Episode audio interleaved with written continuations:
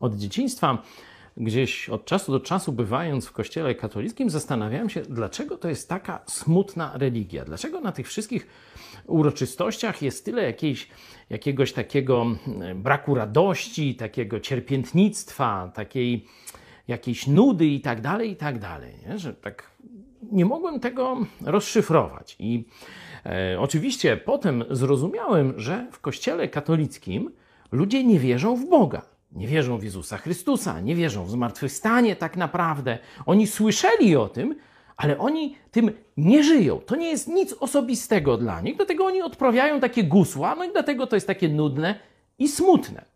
I najbardziej wyraziście widać to właśnie w przypadku e, tej tak zwanej mszy, czyli e, jak to się tam Eucharystii mówi w kościele katolickim. Rzekomo jest to na pamiątkę tej ostatniej wieczerzy, że to Jezus tam rzekomo, tak katolicy twierdzą, że ustanowił e, mszę. Apostoł Paweł w liście do Koryntian mówi: Na naszą paschę jako baranek został ofiarowany Chrystus.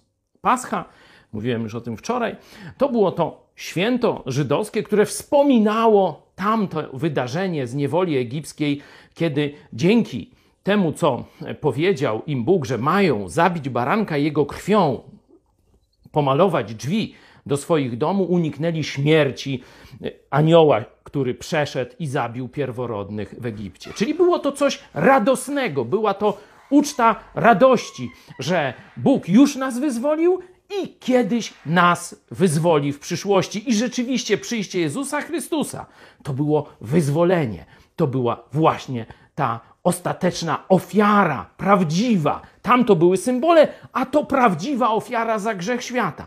I teraz prawdziwi chrześcijanie, kiedy wspominają ofiarę Jezusa, to się cieszą, a fałszywi się smucą, bo nie znają. Dlatego katolicyzm nie ma nic wspólnego z chrześcijaństwem. Idź na każdą mszę, a to zobaczysz.